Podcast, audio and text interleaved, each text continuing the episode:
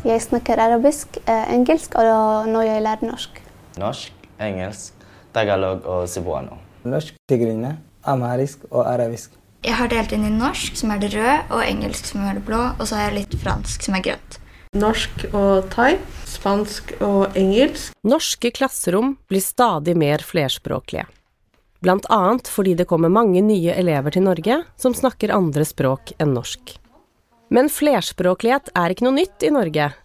Vi har en lang historie som et flerspråklig samfunn. Vi finner flerspråklige elever i de fleste klasserom. I overordnet del av læreplanen står det at alle elever skal få erfare at det å kunne flere språk er en ressurs i skolen og i samfunnet. Dette er en helt ny formulering som åpner opp for mange muligheter og kanskje noen nye spørsmål. På hvilken måte kan flerspråklighet være en ressurs i skolen? Og hvorfor skal lærere bruke tid på dette?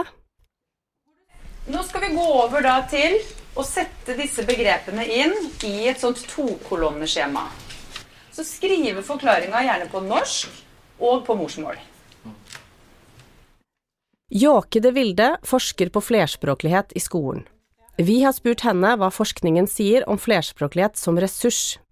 Forskninga sier at flerspråklighet er en ressurs i skolen. Den er viktig for å bekrefte elevers identitet og anerkjenne den, og som støtte når de skal lære fag og språk. عملت رقم هنا خلاص خليه فوق اوكي لا تفوق تفكير بس خليه برا يعني اوكي فهمت يعني خلاص شويه det er viktig at elever får mulighet til å bruke hele sitt språklige repertoar. Kort sagt er et språklig repertoar en persons samlede språklige ressurser. Man kan sammenligne et språklig repertoar med en verktøykasse. Det kan være språk elevene kan godt, det kan være språk de holder på å lære, det kan være språk de kan muntlig, eller det kan være språk som de kan skriftlig. Hele det språklige repertoaret er en viktig del av elevers identitet og kan være en støtte i læring.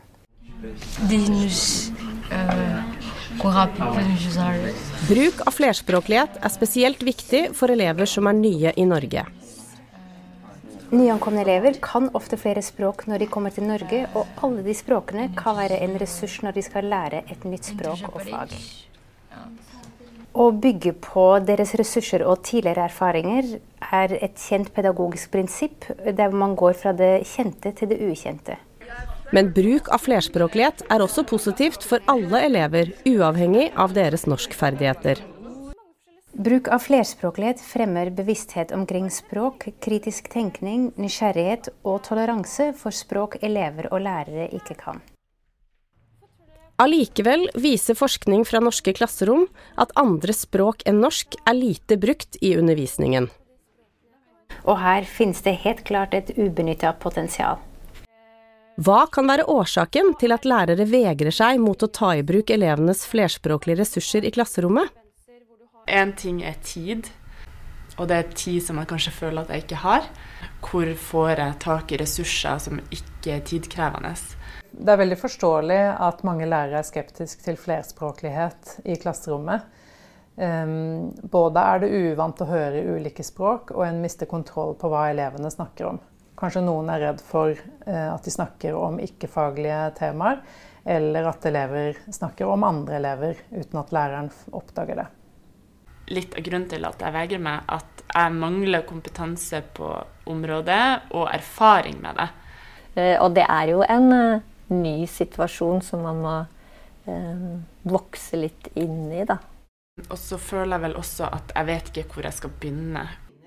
Så hvordan gjør man det? Hvor skal man starte?